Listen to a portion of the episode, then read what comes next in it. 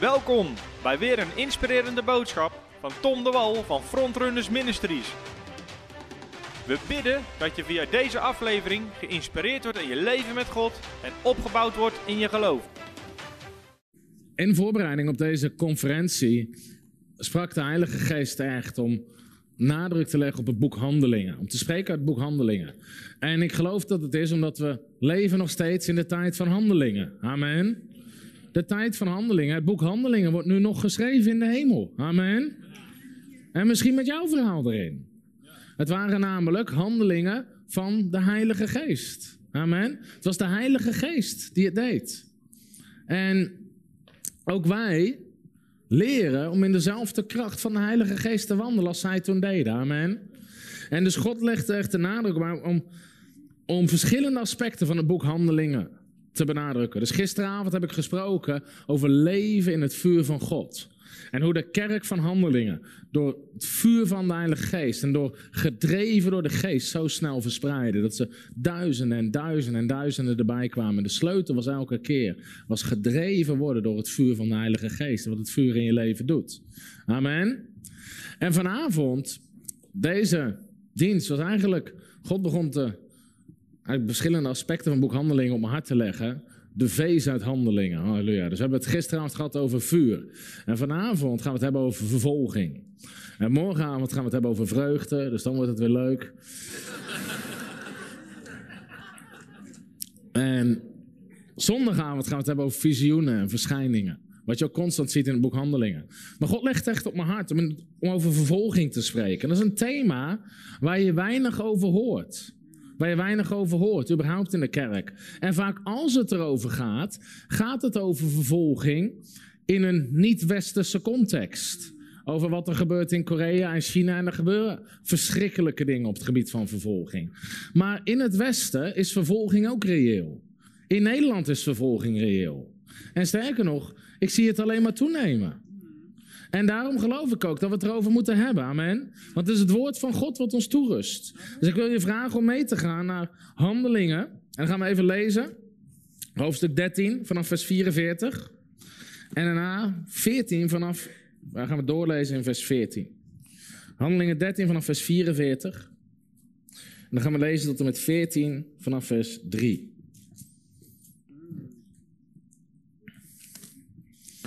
Nou, daar staat dit. Als je het gevonden hebt, zeg je prijs de Heer. Daar staat dit. En op de volgende Sabbat kwam bijna heel de stad samen om het woord van God te horen. Gisteren zei ik, je moet je Bijbel langzaam lezen en hardop lezen.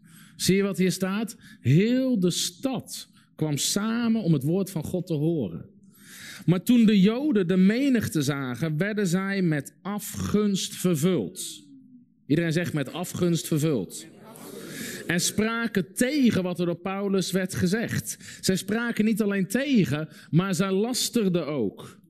En Paulus en Barnabas zeiden vrijmoedig. Het was nodig het woord van God eerst tot u gesproken zou worden. Maar aangezien u het verwerpt en u zelf het eeuwige leven niet waard oordeelt, gaan wij nou naar de heidenen. Zo immers heeft de Heer ons geboden. Ik heb u tot een licht voor de heidenen gesteld, opdat u tot zaligheid zou zijn tot aan het uiterste van de aarde. En toen nu de heidenen dit hoorden, verblijden ze zich en zij prezen het woord van de Heer. En dan geloofden er zoveel als bestemd waren voor het eeuwige leven. En het woord van de Heer verbreidde zich door heel het land. Iedereen zegt heel het land. Maar de Joden stookten de godvrezende en aanzienlijke vrouwen en de voornaamste van de stad op en ontketenden een vervolging tegen Paulus en Barnabas.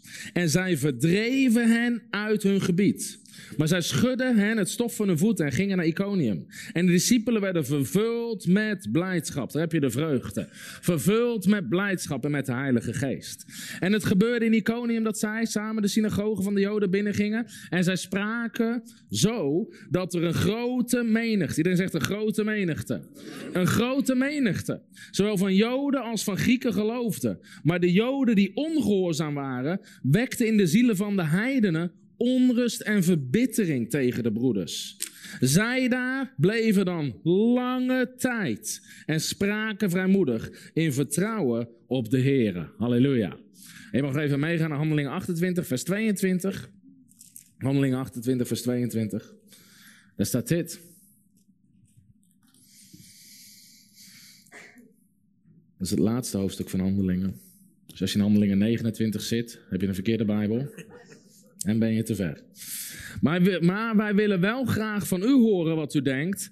Want wat deze secte betreft, zeg eens wat deze secte betreft, is het ons bekend dat ze overal tegen gesproken wordt. Halleluja. Nou, hier lezen we maar een paar versen uit het boek Handelingen, waar we zien de kracht van de Heilige Geest en hoe het evangelie verspreid wordt. De hele stad verzamelde zich. Heel de stad kwam samen op de Sabbat. Grote menigtes kwamen daar. Amen. En met dat die beweging ontstaat, ontstaat er ook vervolging. Ontstaat er ook vervolging. En als je verder leest, dan telkens ook dezelfde groep mensen die blijft achter Paulus aanreizen. En lasteren en kritiek geven en het moeilijk maken en opschudding brengen. Nou, als we zeggen, hoeveel hier geloven dat God ons roept, als het ware terug naar het boek Handelingen, om diezelfde dingen te doen? Hoeveel mensen vanavond gaan hun hand niet opsteken, wat ik ook vraag? nou, als we geloven dat dezelfde kracht van handelingen en dat we dezelfde werken en dat we nog steeds in het boek Handelingen leven, gaan we ook dezelfde soort vervolgingen meemaken. En in het boek Handelingen zie je constant dat wanneer de geest van God bezig is en wanneer God bezig is, dat de vervolging begint. Hoeveel hier verlangen dat God bezig gaat in je leven en dat de geest gaat bewegen? Nou, maak je maar klaar voor vervolging. Hoeveel hier willen bovennatuurlijke bediening? Bovennatuurlijke bediening is bovennatuurlijke vervolging. Kan je opschrijven in je aantekeningen. Bovennatuurlijke bediening is bovennatuurlijke vervolging. En we zien het door heel handelingen. In handelingen 2 wordt de geest uitgestort. Meteen kritiek. Deze mensen zijn dronken. Meteen begint de kritiek. Handelingen 3. Wat doen ze? Een man die nog nooit heeft kunnen lopen. Genezen ze. En meteen worden ze gevangen genomen. En ze worden gegezeld. En er begint kritiek. En ze moeten voor de raad komen. In handelingen 5 worden ze weer gevangen genomen. In handelingen 6. Weet je, het is hoofdstuk na hoofdstuk. Komt Stefanus, vol van de Heilige Geest. En weer wordt hij gevangen genomen. En Stefanus wordt gestenigd. Handelingen 7. Handelingen 8. Staat er, eh, ontstond een grote vervolging tegen de gemeente. En ze verspreiden zich overal. Handelingen 9. Saulus die aan het vervolgen is. Die zelf tot bekering komt. En na zijn bekering, hij begint het evangelie te delen. Binnen drie versen proberen ze ook hem te doden. En hoofdstuk na hoofdstuk na hoofdstuk na hoofdstuk lezen we zowel over een krachtige werking van de Heilige Geest als krachtige tegenstand en vervolging. Nou, dat is zo belangrijk om dat te beseffen. Dat die twee hand in hand gaan. Dus vervolging hoort erbij. Zeg eens tegen je buurman of je buurvrouw: vervolging hoort erbij.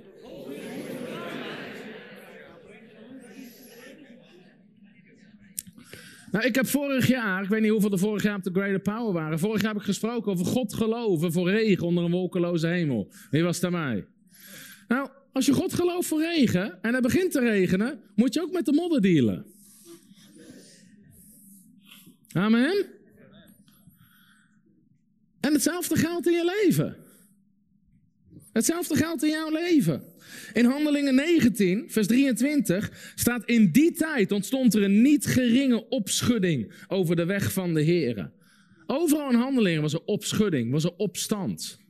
Opschudding en opwekking gaan hand in hand. Zeg eens, opschudding en opwekking gaan hand in hand.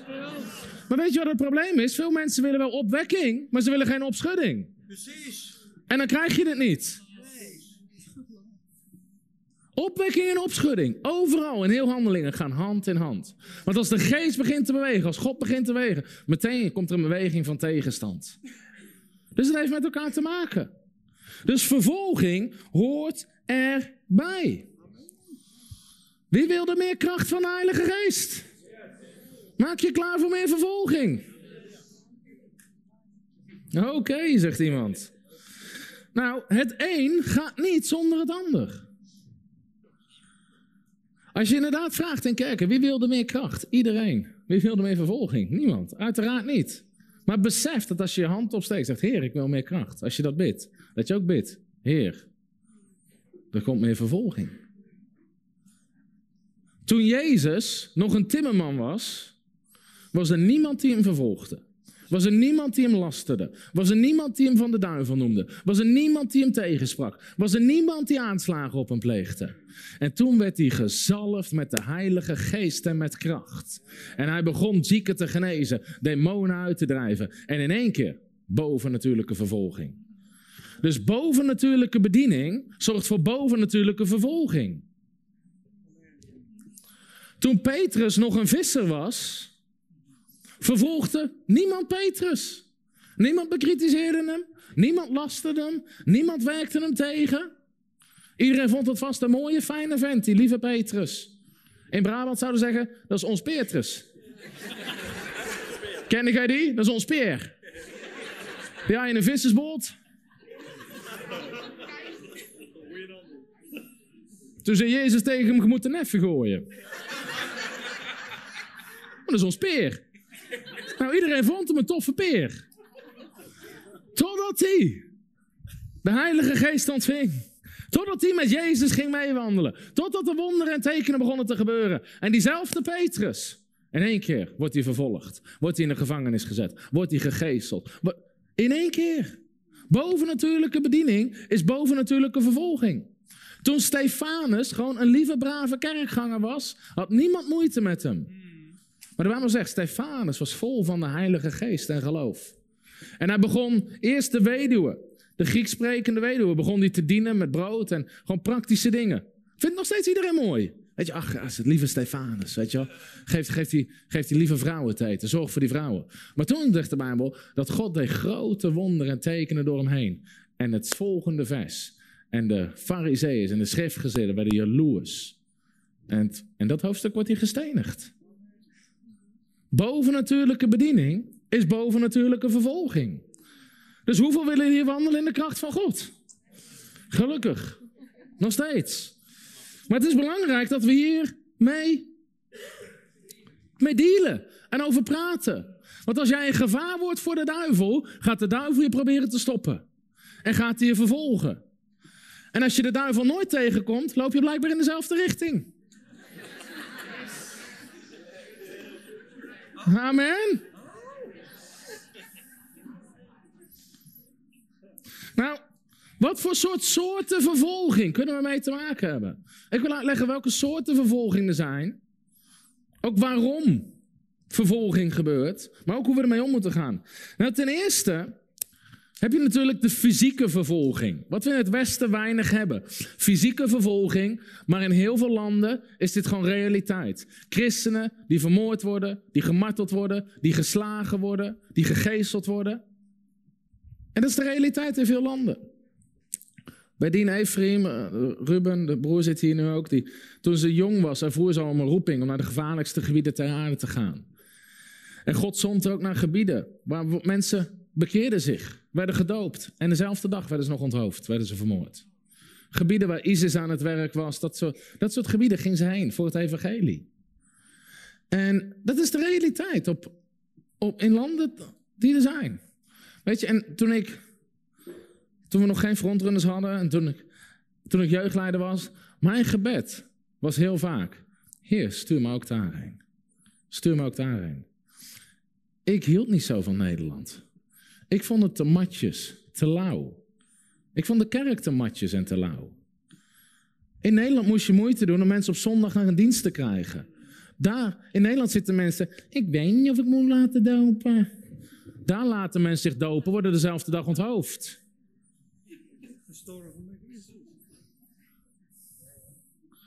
Ik dacht, heer, ik ben altijd gezeur zat. Ik wil het echte werk. Maar God zei, nee, je blijft hier. Ik heb zo vaak gebeden. Heer, stuur me ook daarheen. Stuur me ook daarheen. Serieus. Ik dacht, dat is het echte werk. Weet je, en ik vroeg er een keer. Ik zeg, joh. Ik zeg, hoe is het daar als je daar leeft? En iedere dag heb je de kans om te sterven voor God. Toen zei ze, nou, sterven voor God is niet zo moeilijk. Dat is maar één keer. Maar leven voor God, dat is iedere dag. Dat is iedere dag. Nou, wij in het Westen, Misschien krijg je nooit de kans om te sterven voor het evangelie. Maar iedere dag heb je de kans om te leven voor het evangelie. Iedere dag heb je kans om getuige te zijn. Daar getuigen mensen met gevaar voor eigen leven. Hier krijg je mensen met een stok nog niet naar een evangelisatieactie geslagen.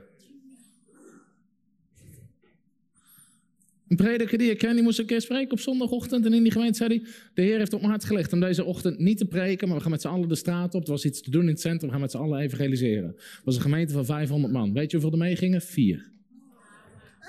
De rest ging niet. Wisten niet wat ze moesten doen, wat ze moesten zeggen, hoe ze het moesten doen. En wilden ook niet gaan. Daar getuigen mensen iedere dag met gevaar voor eigen leven. Wij kregen iedere dag de kans om te leven voor het evangelie. Dus dat is belangrijk om je bewust van te zijn. Dus dat zijn fysieke vervolgingen. Maar daar wint het Westen nogmaals minder mee te maken. Maar zelfs met dat soort dingen kan je te maken krijgen in het Westen. Zeker in bepaalde families of wat dan ook. Nou, wat heb je daar? Wat, wat een andere soort vervolging? En dit is een soort vervolging waar we allemaal in het Westen. Dit is de soort vervolging die het meest in het Westen plaatsvindt. Je mag even met me meegaan naar Matthäus hoofdstuk 5. Matthäus hoofdstuk 5.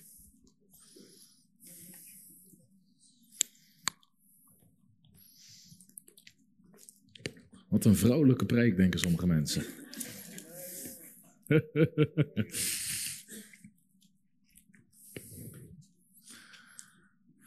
als de Bijbel trouwens spreekt over lijden, dan zeggen sommige mensen, weet je, jij predikt genezing en voorspoed. Horen christenen dan niet te lijden? Ja, christenen horen te lijden, maar het soort lijden waar de Bijbel over spreekt aangaande christenen gaat altijd over vervolging. Niet over ziek zijn, over vervolging. Dat is het kruis wat we moeten dragen. Matthäus 5, vers 10 en 11 en 12. Zalig, een andere vertaling zegt gezegend zijn zij, die vervolgd worden om de gerechtigheid, want van hen is het koninkrijk der hemelen. Zalig of gezegend ben je als men u smaadt en vervolgt en door te liegen allerlei kwaad tegen u spreekt omwille van mij. Als men u smaadt en vervolgt en door te liegen allerlei kwaad tegen u spreekt omwille van mij. Verheug en verblijd je, want uw loon is groot in de hemelen. Want zo hebben ze ook de profeten vervolgd die voor u geweest zijn. In Lucas zegt Jezus, wee u wanneer alle mensen goed over je spreken. Wee u wanneer alle mensen goed over je spreken. Nou, alle profeten, alle mannen en vrouwen van God werden vervolgd in de Bijbel. Allemaal. Ook de christen in een boek Handelingen. En dit is de vorm van vervolging die in het Westen het meeste voortkomt. Het is smaad. En andere woorden, lasteren. Jij zegt liegen. Mensen verzinnen dingen over je. Mensen maken leugens op over je. Mensen lasteren je, bekritiseren je, halen je onderuit. En dat is vervolging. Dat is vervolging door te liegen allerlei kwaad over u spreekt. Nou, heel veel christenen zijn zich er niet van bewust dat dit een soort vervolging is die in het Westen speelt. En zeker met de komst van het internet. Weet je wat het domste is wat je kan doen? Als je wilt testen of kijken of een bediening goed of fout is, is gaan googlen. Uw woord is de waarheid, niet Google. En het woord van God zegt, je herkent bedieningen aan hun vrucht. Maar met de komst van het internet is er een platform gecreëerd om nog makkelijker te lasteren, te liegen, kwaad te spreken. En allerlei dingen.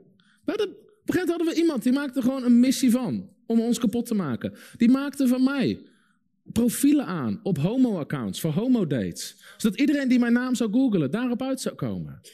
Andere mensen schrijven artikelen over dat ik een dief ben, geld steel van de stichting, geld steel van de bediening. Dat alles naar Mensen verzinnen hele artikelen. Hele artikelen verzinnen mensen. En ze schrijven het gewoon.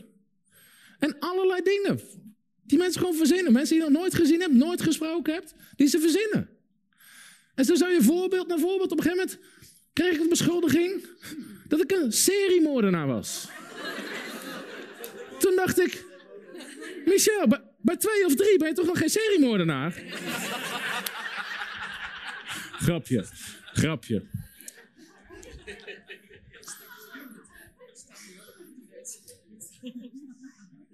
Zo horen bij New Age. Deze secte. Maar het boek Handelingen zegt, ons is bekend dat deze secte overal tegengesproken wordt. Vrijmetselarij, weet ik van wat we allemaal hebben gehad. Nou, allemaal dat soort dingen. De wereld, en zelfs veel christenen, zijn er niet op uit om bedieningen te helpen, maar ook niet om jou te helpen. Jij gaat hetzelfde krijgen. Als je gaat wandelen in de kracht van de Heilige Geest, als je zieken gaat genezen en demonen gaat drijven, moet je opletten het eerst volgende gesprek op de familieverjaardag. Heb je het al gehoord? Zit bij die secte.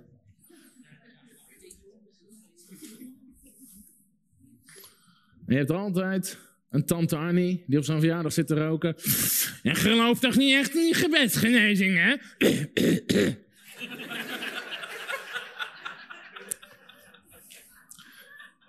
Tien jaar later heeft ze longkanker. Sterft ze en wie krijgt de schuld? God.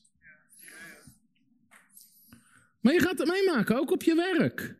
Als mensen weten dat je christen bent, beginnen ze te lasteren. Beginnen ze te liegen. Beginnen ze te bekritiseren. Beginnen ze kwaad te spreken. Nou, en weet je wat het ergste is nog? Vaak dat het door christenen is. Ook in de kerken. Het zijn christenen. Satan kan gewoon door christenen heen spreken. Net zoals bij Petrus. Satan, achter mij, zei Jezus. Het zijn christenen soms die het meeste. Andere bediening, predikers, evangelisten. Maar ook andere christenen aanvallen. Die wandelen in de kracht van de Heilige Geest. Want bovennatuurlijke bediening veroorzaakt bovennatuurlijke vervolging. En zelfs als je mensen wil helpen. Op een gegeven moment hadden we, nee, noem geen naam uiteraard, maar op een gegeven moment hadden we iemand die vroeg of ik voor de zoon wilde bidden. Die had genezing nodig. En ik bad voor die zoon en die genas niet. En die week zat er een kaart in mijn bus. En op de voorkant stond liefde is. Ik dacht, hé, hey, leuk, een kaart. En dan ben ik ook, liefde is. Alles wat jij niet bent, kind van de duivel, zal eeuwig branden in de hel. Je bent de... En die persoon loopt al jarenlang achter onze bediening aan. Om overal, jullie hadden er laatst nog last van, van die persoon die overal op de achtergrond leugens verspreidt, dat soort dingen verspreidt. Maar dat soort dingen ga je meemaken. Dat soort dingen ga je meemaken. En ook een van de dingen die mensen zeggen, het is van de duivel. Het is van de duivel. Gaan mensen ook tegen jou zeggen. Als je zieken geneest, demonen uitdrijft, pas op, dat is van de duivel. Er zijn christenen die dat zeggen. Die denken dat God rollen heeft gewisseld. Dat in het boek Handelingen de duivel mensen ziek maakte en God ze genas. En dat ze na Handelingen dachten, nou weet je wat, we wisselen rollen. Vanaf nu maak ik ze ziek en genees jij ze. Ze zijn helemaal koekoek.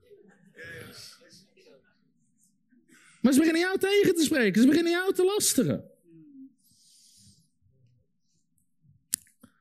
En dat is iets waar je mee te maken gaat hebben. Dat is iets waar je mee te maken gaat hebben. Ook die tekst die we lazen. Met afgunst vervuld spraken ze tegen. Spraken ze tegen. Dus je gaat te maken krijgen met kritiek en laster. Kritiek en laster. Weet je, we mensen die vervuld werden met de Heilige Geest, gedoopt werden, gingen wandelen in wat God. En zelfs die in de kerk. Ik zou hier mensen in de zaal kunnen aanwijzen. Waarvan hun voorgangers zeiden. Oh, je leest de boeken van frontrunners. Je begeeft je nu op een weg. Weg van Christus. Naar de, gewoon naar de hel. Werd gewoon gezegd. Je hebt nu nog tijd om je te begeren. Maar als je deze weg blijft inslaan. Dat zeggen voorgangers tegen mensen. En dan zijn het je eigen broeders en je zusters. Die mensen beginnen te lasten en te bekritiseren. Wanneer de kracht van de Heilige Geest begint te werken. Ook bij Jezus, het waren niet de heidenen. De heidenen, de hoeren, de tollenaars hebben er helemaal geen probleem mee. Vandaag de dag ook de wereld ook niet. Heeft geen enkel probleem. De wereld heeft beter door dat demonen realiteit zijn dan christenen. En als mensen demonen beginnen uit te drijven, zeggen de christenen dat is van de duivel. Als je, zieke begint te genezen, zeggen mensen dat is van de duivel. En het zijn christenen die dat zeggen. Nou, deze soort vervolging is heel reëel, want wat het doet is, het lastert je, het bezorgt je een kwade naam. Dus ook als het gaat om kerken of bedieningen of wat dan ook. Als je wil weten of het goed is of niet, kijk naar de vrucht. Kijk naar de vrucht. Ga niet op internet zitten lezen. Kijk naar de vrucht. Nou, er was een, er is een heel mooi boek. En die man, die, die man heet in het Engels Brother Yun. En hij was een, nog steeds trouwens, een, een, volgens mij leeft hij nog. Weet jij het, Peter? Ja, leeft. Ja. In China, in de jaren 1970, 80, in die tijd, waarin China de vervolging ontzettend erg was. Hij was een van de leiders van die gemeentes, allemaal ondergronds. Die man die heeft echt fysiek geleden voor het evangelie tot en met. Tot en met in de gevangenis, waar hij altijd in de uitwerpselen van, van de andere gevangenen moest liggen. Waar hij geëlectrocuteerd werd, dag in dag uit. Waar hij geslagen werd, tot al zijn botten gebroken waren. Op een gegeven moment woog hij nog maar 30 kilo, een volwassen man. Helemaal uitgehongerd, uitgemergeld, weer geëlectrocuteerd. De gevangenisbewaarders, iedere dag moesten, de, gingen de bewaarders en alle andere gevangenen, moesten over hem heen urineren. En deden, hij moest slapen tussen hun uitwerpselen. En iedere dag. En ze martelden hem en ze martelden En heeft meerdere keren in de gevangenis gezeten. En hij ging gewoon door en door en door. En hij heeft gigantisch veel mensen bereikt voor het evangelie. Echt gigantisch veel. En op een gegeven moment werd hij uitgenodigd in, in het Westen om te spreken in een kerk. Dus hij ging daarheen om te spreken. Had zijn preken voorbereid. En de eerste keer dat hij moet spreken, vlak voor de dienst, zegt de voorganger de dienst af. Hij zegt, wat is er aan de hand? En zegt, er is een artikel over je verschenen in een, in een christelijk blad. En iemand had geschreven dat het een leugenaar was, dat hij alles verzonnen had. Een man die jaren in de gevangenis door heeft gebracht.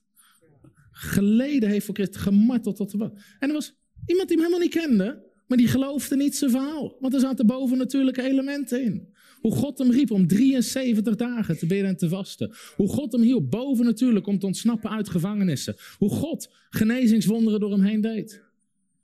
En christenen zeiden, dat kan niet. Het is een leugenaar. Hij liegt. Hij heeft alles verzonnen. En die man die zoveel geleden had voor het evangelie. Die in een westerse kerk kon spreken. En er kwam niemand luisteren, want ze dachten allemaal dat hij alles verzonnen had. Dat het gelogen was. Dat hij er was om financiën te stelen. En toen sprak hij een voorganger. En weet je wat hij zei? Hij zei, dit is erger dan de vervolging die ik daar heb meegemaakt. Hij zegt, daar, hij zegt, dat zijn geen medechristenen. Hij zegt, die mensen die weten niet wat ze doen.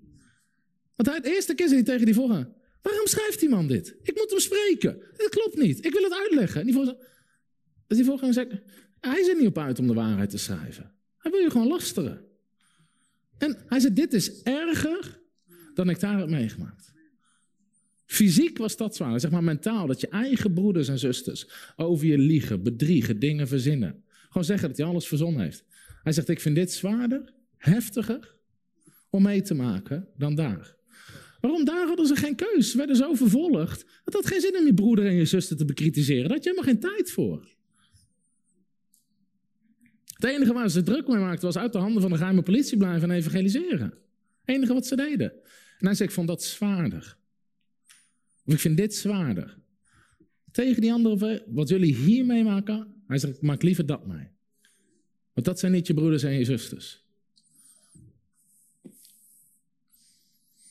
Nou, dat soort dingen heb je dus mee te maken. En je gaat toch bekritiseerd en vervolgd worden. Sorry voor het slechte nieuws vanavond. Sorry voor de profetie. Dus als je toch bekritiseerd en vervolgd gaat worden, dan maar voor het hele evangelie. Dan maar voor redding, genezing, bevrijding, voorspoed, heilige geest, vuur, vreugde, tongentaal. Dan maar alles erop en eraan. Amen.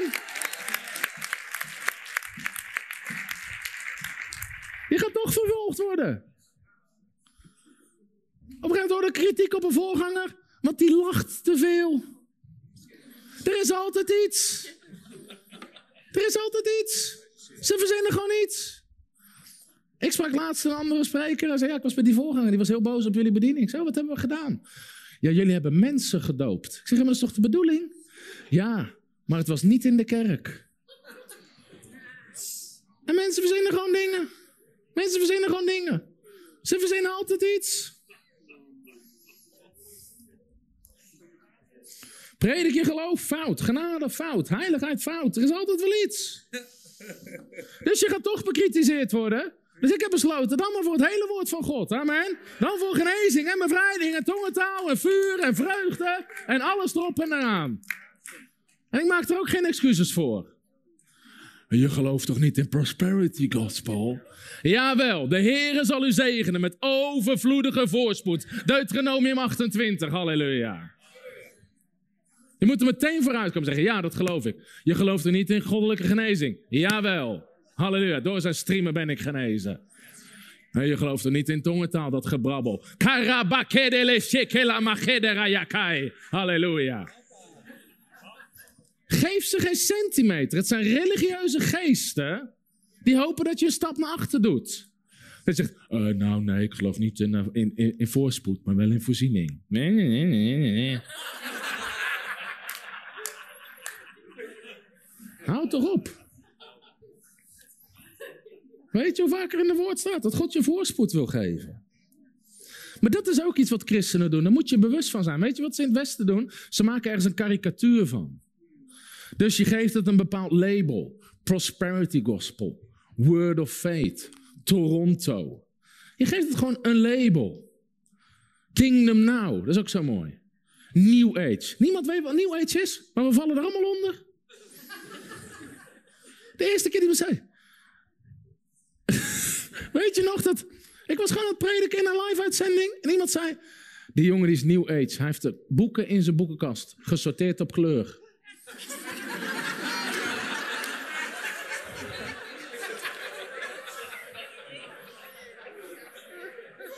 Koekoek. Iedereen zegt koekoek.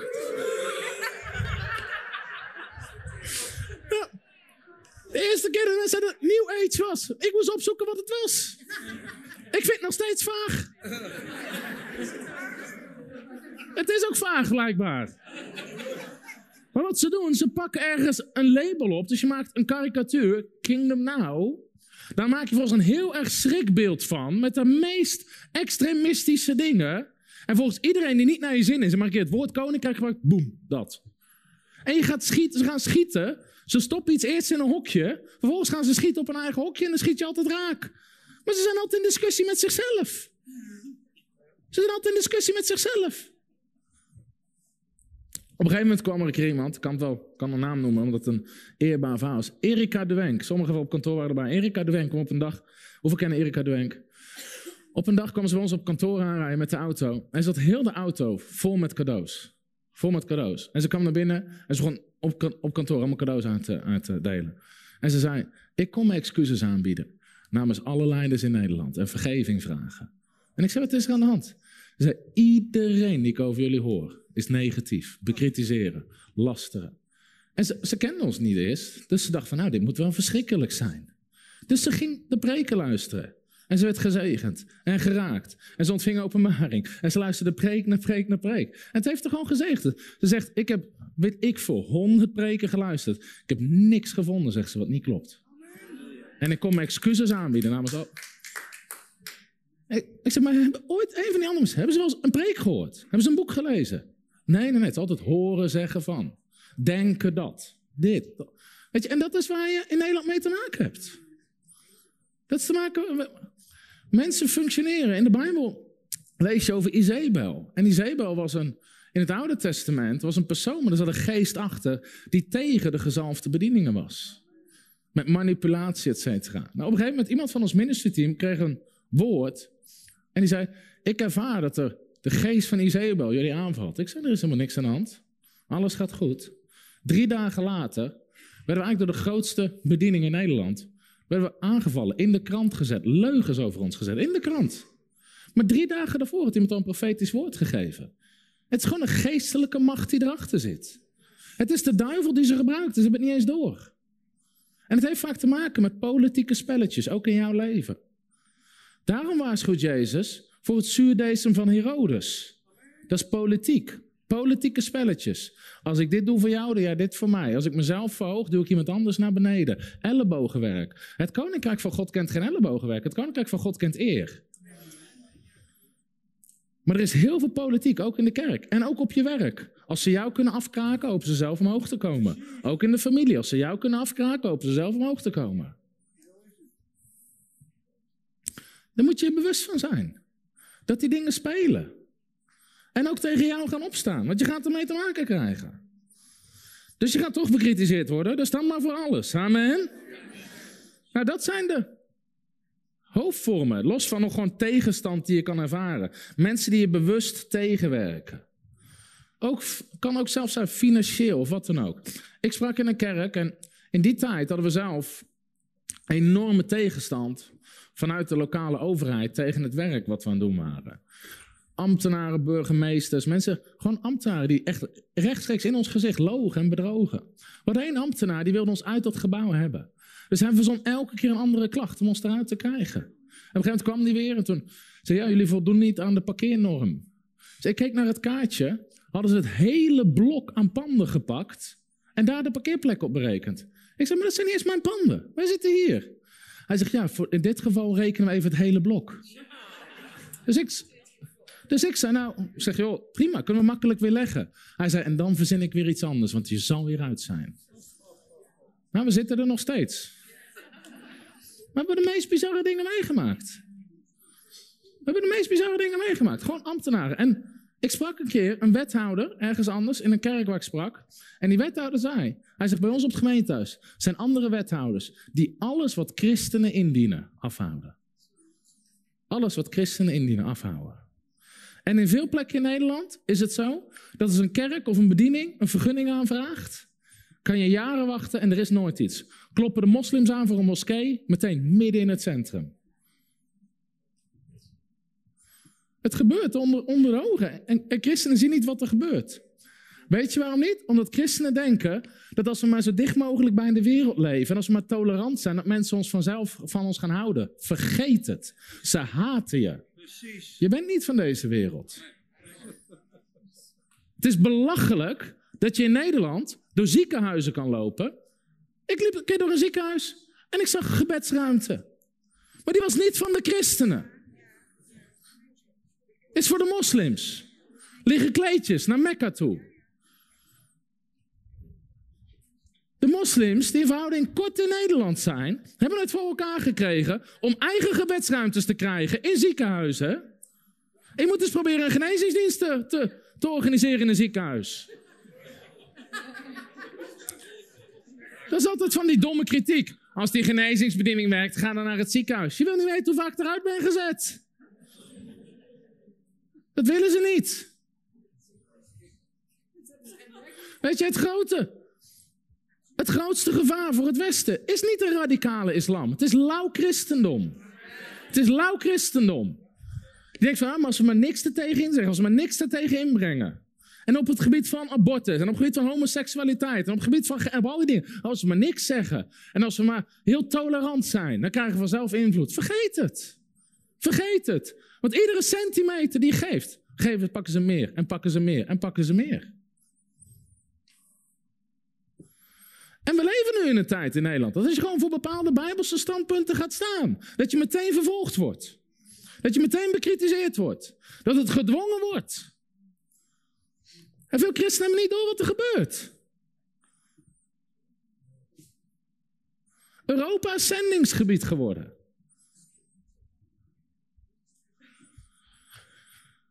Dus de Bijbel zegt, predik het woord in season en out of season. In gunstige tijden en ongunstige tijden. Nou, de tijden in politiek opzicht worden niet heel veel gunstiger in Nederland voor het prediken van het evangelie. Wie had deze preek verwacht tijdens de Greater Power? Nou, weet je, de wereld is er niet op uit om het evangelie te promoten of Jezus te promoten. Dat moeten wij doen. Amen. Dus we moeten ook stoppen om de methodieken van de wereld te gebruiken. De kerk van handelingen was een heilige geestkerk. God heeft zijn eigen methodes. Weet je, de eerste keer dat een... De eerste paar keer ben je naïef. De eerste keer dat de journalist hoorde van een reeks genezingsdiensten die we deden. Oh, ik hoor dat je naar een zaaltje hebt gehuurd, een genezingsdienst, kan ik je interviewen? Ja, natuurlijk. Ik dacht, oh, die wil helpen om bekendheid eraan te geven. Nou, nee. Die interviewde me, was in principe een redelijk interview. Heel kort was het maar. En zei joh, heb je wel eens wonderen gezien? Of nee, ze vroeg twee vragen in één. Hoe ben je begonnen met bidden voor zieken? En hoeveel wonderen gebeuren er? Dus ik zei, nou, ik ben ooit een keer begonnen. Ik denk, vertel gewoon eerlijk wel. Ik ben ooit een keer begonnen op een christelijk concert. Daar bad ik voor iemand die is niet genezen. Ik zeg, maar daarna ben ik doorgegaan. En we zien nu constant wonderen en tekenen gebeuren.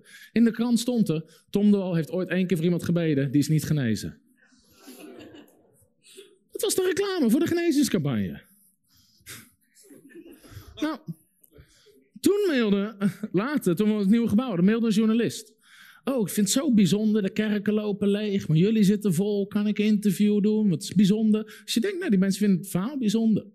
Die man komt binnen, pakt zijn microfoon.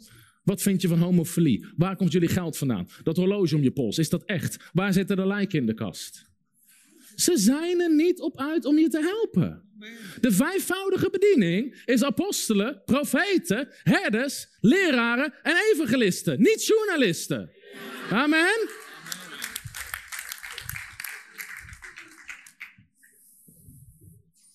Daar krijg je mee te maken. Omdat je Jezus volgt. Jezus zegt, de discipel staat niet boven zijn meester. Als ze van, van Jezus zeiden ze, ze noemden hem Beelzebul. Ze noemden, van Jezus zeiden ze dat wat hij deed, dat hij het deed door de duivel.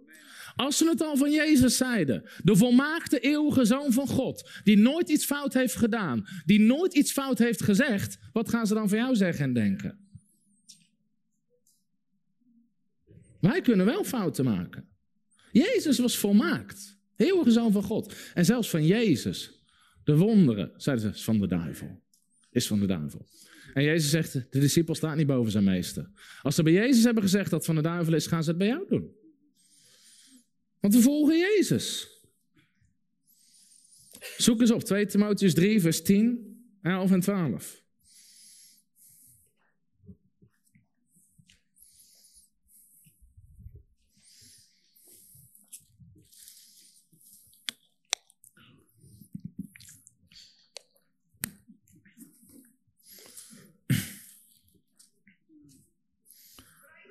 Prijs de Heer, halleluja. Jullie mogen morgen vooraan zitten. 2 Timotheus 3, vers 10 en 11 en 12. Maar u hebt mij nagevolgd in mijn onderwijs, levenswandel, levensopvatting, geloof, geduld, liefde, volharding. In mijn vervolgingen en lijden, zoals die mij overkomen zijn in Antiochië, Iconium en Lystra. Wat heb ik al niet aan vervolgingen doorstaan? En uit die alle heeft de Heere mij verlost. Halleluja. Maar Paulus zegt, wat heb ik al niet aan vervolgingen doorstaan? Maar uit die alle heeft de Heere mij verlost. En dan zegt hij dit. En alle die godvruchtig willen leven in Christus Jezus, zullen vervolgd worden. Alle die godvruchtig zullen leven, in Christus Jezus zullen vervolgd worden. Dus vervolging hoort erbij. Alleen als je godvruchtig wil leven, als je heilig wil leven, in deze onreine en zondige wereld, in deze goddeloze wereld, ga je vervolgd worden. Want de heilige standaarden van God worden maximaal aangevallen op ieder gebied. Op ieder gebied. En mensen gaan gewoon dingen zoeken om je te vervolgen. Op een gegeven moment de allereerste keer dat ik bij mijn schoonfamilie kwam, en was niet bij mijn schoonouders, maar bij de ooms en tantes, was bij die opa en oma.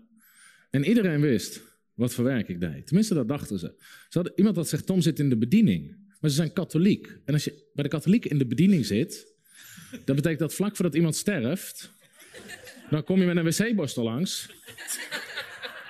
Dan spray je er wat op, doe je een ogen dicht dan zijn ze door, de douane en bij de Heer, zoiets. Dus, dus toen legde ze uit, nee, Thomas, prediker of evangelist of wat dan ook. Dus de eerste keer dat ik daar op een soort barbecue kwam. En ze waren meteen tegen. Meteen tegen. En op een gegeven moment een van die neven, die vroeg, jij gelooft in God? Ik zei ja. Hij zei, ik niet, ga ik dan naar de hel? Eerste wat hij zei, waar iedereen bij stond. Ik zei ja.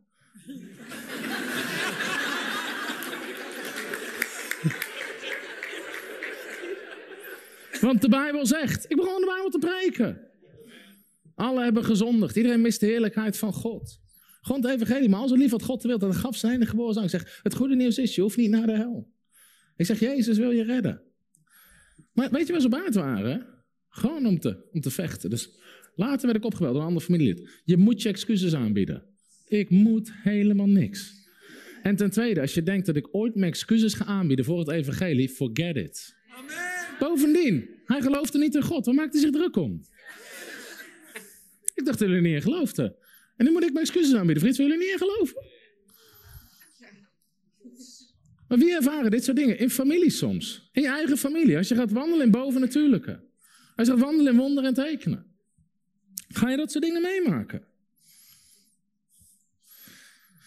Als je gaat wandelen in de kracht van de Heilige Geest. Nou, de eerste keer, dus toen al die tegenstand ontstond, we hebben toen anderhalf jaar echt in een periode van vervolging, tegenstand, was, was echt heel heftig gezeten.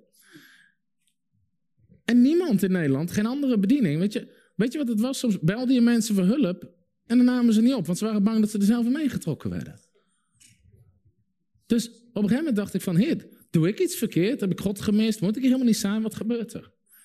En toen S'nachts gaf God me een droom. En Jan Sjoerd Pastenkamp was mijn geestelijke vader. Maar in mijn droom zat ik met Jan Sjoerd aan tafel. En in mijn droom zei ik, wat is dit? Wat gebeurt er? Doe ik iets verkeerd? En het enige wat Jan Sjoerd zei, het is vanwege de beweging die komen gaat. Poem, en ik was weer uit mijn droom. En ik wist, het is bovennatuurlijke vervolging. Gewoon vanwege de beweging die God gaat doen. Lag strijd gewoon op dat gebouw. Nou, in dat gebouw zijn honderden mensen genezen, gedoopt, bevrijd, gered. Halleluja. Duizenden. Amen. Bevrijdingsdienst, 150 mensen gewoon keer na keer na keer bevrijd worden, gedoopt worden, bevrezen worden. Het is vanwege de beweging die komen gaat. Als je gaat wandelen in de kracht van de Heilige Geest, komt de tegenstand. Amen. En mensen gaan dingen pikken, gaan dingen gewoon uit de context trekken. Laatst hadden we, weet je, in handelingen, toen die blinde man genas, geloofden ze het nog niet. Gingen ze nog naar zijn ouders, was die echt blind? Nou, als een totaal blinde, vanaf, als die geneest en ze geloven het nog steeds niet, verwacht je dan dat mensen vandaag de dag de genezingswonderen gaan geloven? We hadden laatst in in Drachten deden we een campagne. Ik zie trouwens daar ook iemand zitten. U bent daarboven natuurlijk, ga eens even staan. Die man is daarboven natuurlijk genezen. Amen, halleluja. Geef God eens eer, halleluja. Kijk hem eens shinen. Nou, er was er een jongen. En die gaf zijn leven aan Jezus, werd genezen van zijn rug. En toen op weg was aan de uitgang, zei hij, hey, wil ik voor mijn autisme bidden? Het was een heel kort gebed. Arjan was erbij, heel simpel. Heer, genezen van zijn autisme, autisme wijk. In Jezus naam, amen. Dat was het. En hij is compleet vrij van zijn autisme. Hij heeft zich laten dopen. En Vier, vijf weken later getuigde hij ervan. Dat God hem genezen had van autisme. En meteen dook zowel seculiere media als christelijke media. Ik zal geen namen noemen, maar je wordt er heel erg sip van. dook er bovenop. Waarom? Ze kunnen het niet geloven. Die jongen zegt zelf. Wij zeggen niet hij zegt het zelf. Ik ben ervan genezen. En iemand anders gaat hem vertellen dat het niet klopt. En weet je wat voor dingen ze erbij zeggen? Dan zeggen ze ook nog over frontrunners en Tom de Wal. Dat autisten zijn volgens hun niet welkom in het koninkrijk van God. Want als je zegt dat iemand ervan geneest, betekent dat hij met dat ding niet. Dat soort dingen maken ze ervan. Dat soort titels zetten mensen boven koppen. En noemt zichzelf christenen. Wordt gewoon gebruikt voor het werk van de duivel. Ik zal het recht in de camera zeggen. Het wordt gewoon gebruikt voor het werk van de duivel. Dat is niet het werk van God. Dat is niet het werk van de Heilige Geest.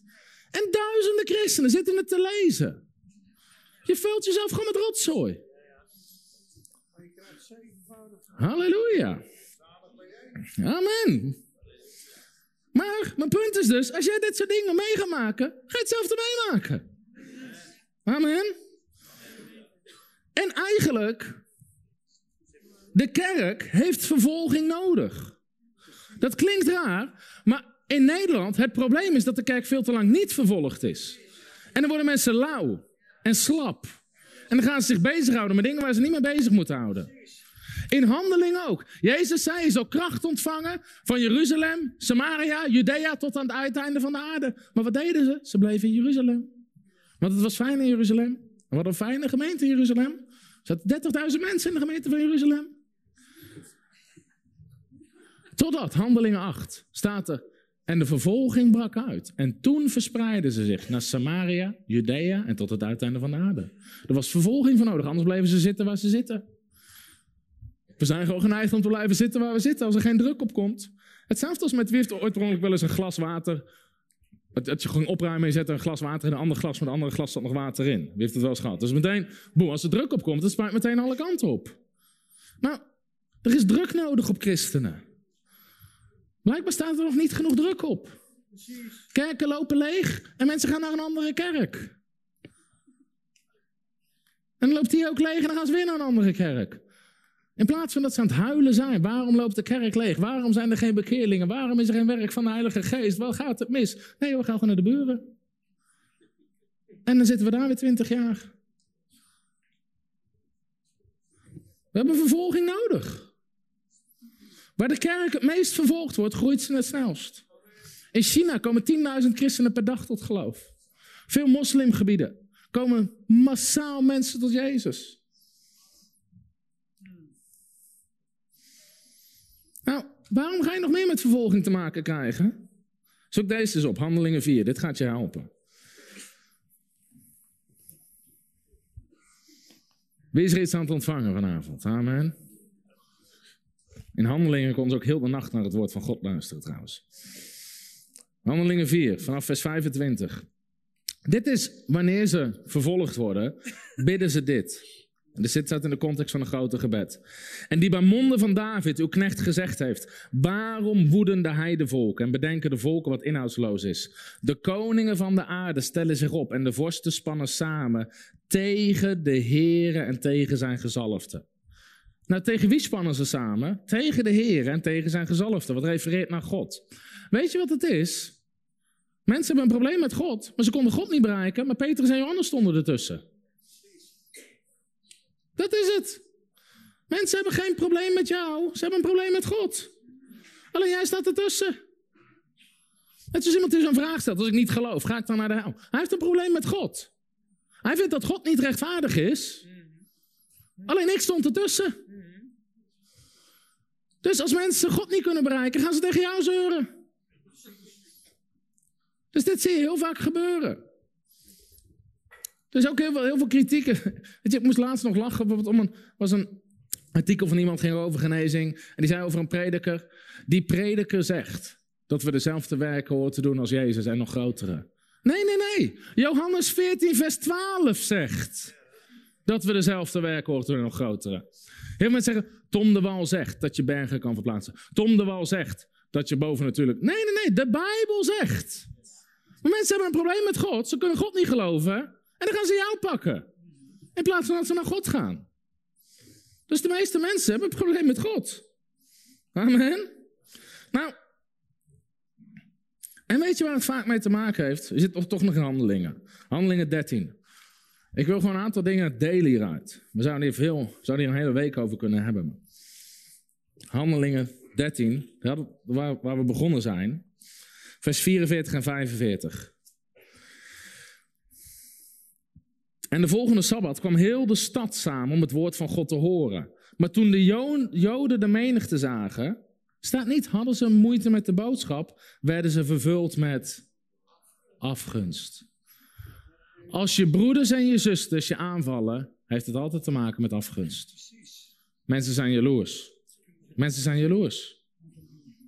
Als God begint te werken, God door je heen begint te werken, kunnen mensen om je heen die zelf niet die werking van God hebben, kunnen of nederig zijn en vragen van, hey, wil je me leren, wil je me meenemen, wil je me discipelen? Maar als ze trots zijn, dan worden ze afgunstig en jaloers.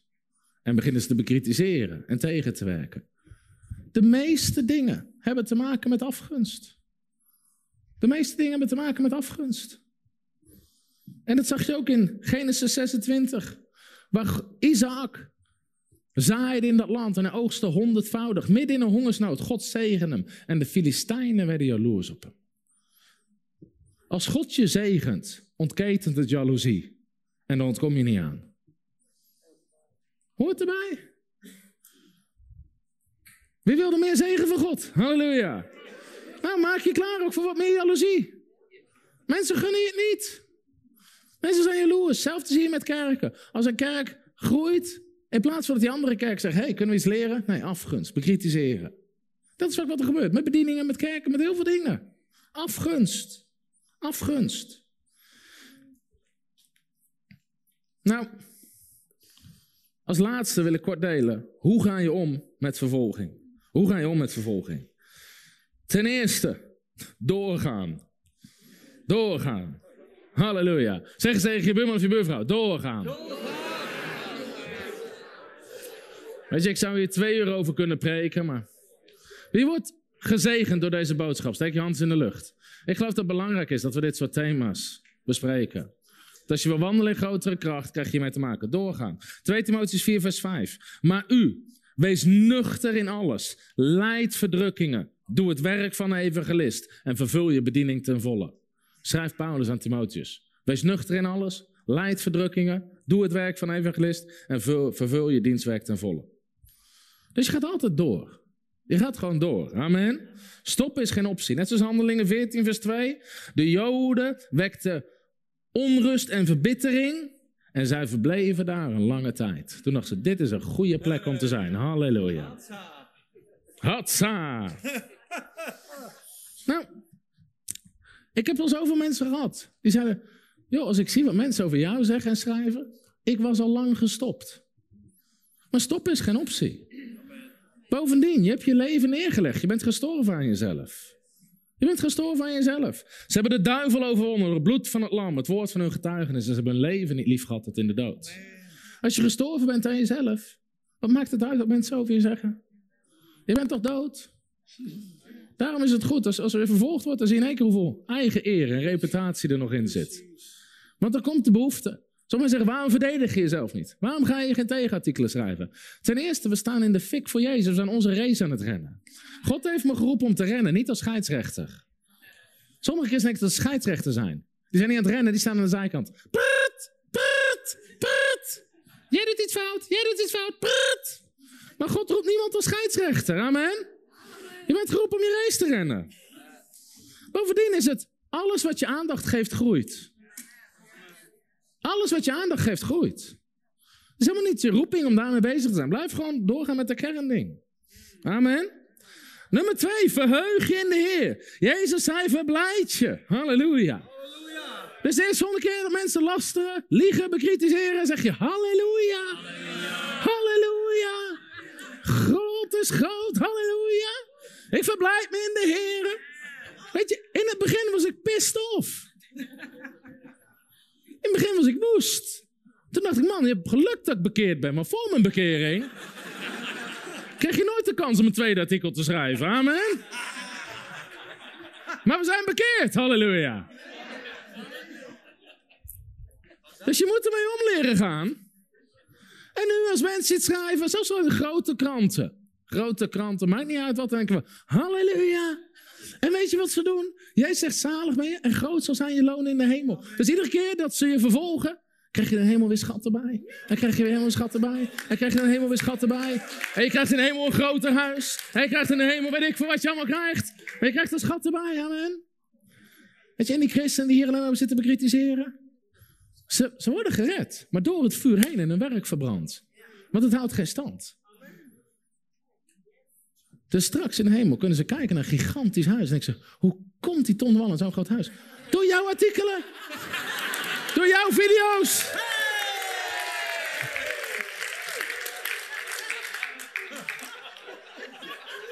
Zie toe hoe je daarop bouwt. Maar serieus, je moet het leren. Je moet het leren om je te verheugen. Want in het begin, nogmaals, je vlees zegt, man, dit is niet eerlijk. Ze liegen, ze bedriegen, dit klopt niet. Weet je, je vlees zal voor jezelf opkomen.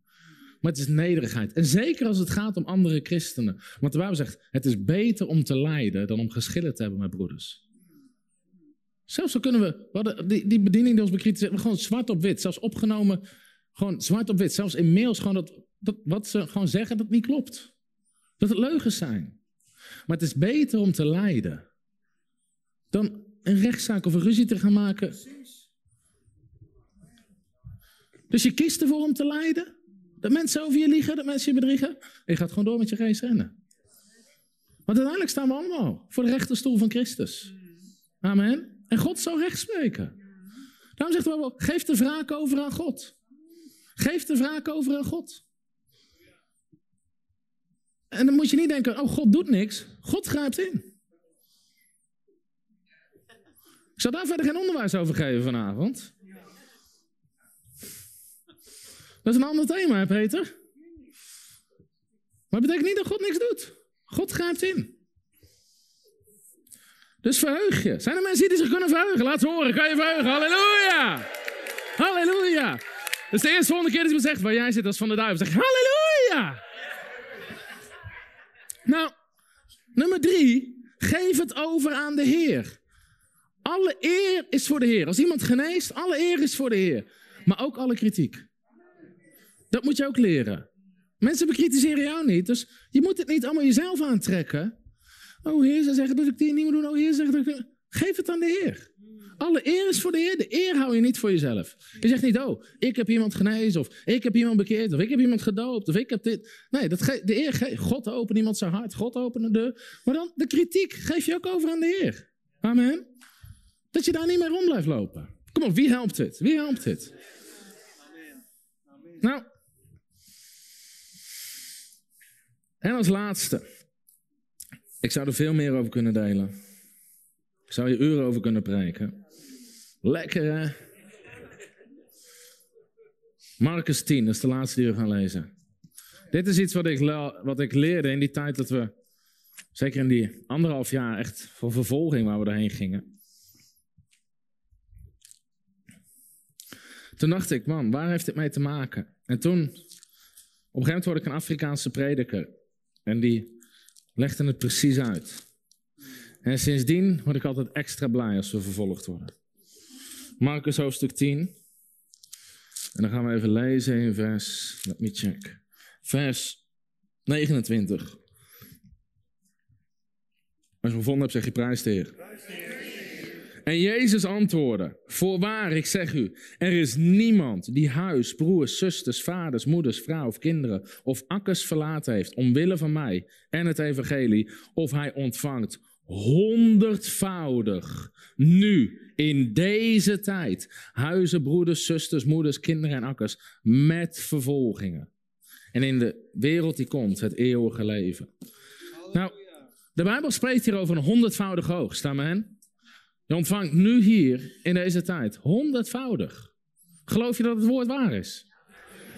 En dan zegt Jezus met vervolgingen. En op een gegeven moment zei iemand tegen mij: Weet je, al die vervolgingen heeft te maken met honderdvoudige oogst. En toen dacht ik: Wacht eens, nou, God heeft ons dit gebouw gegeven, we zijn aan het groeien. We zitten in honderdvoudige oogst. Maar dan zit je meteen met de en vervolgingen. Dus nu, ook in Genesis 26 zie je dat. Hij oogste honderdvoudig en de Filistijnen werden jaloers op hem. Nogmaals, de zegen van God. Psalm 112 zegt, gezegend is de rechtvaardige man. Bezit en rijkdom zal in zijn huis zijn. Zijn kinderen zullen gezegend zijn. En dan staat er, de goddeloze zal het zien en knarsen tanden. De zegen, mensen beginnen te knarsen tanden. Ook religie begint te knarsen tanden. Dat hoort hij niet te hebben. Dat is mijn beste imitatie van een demon.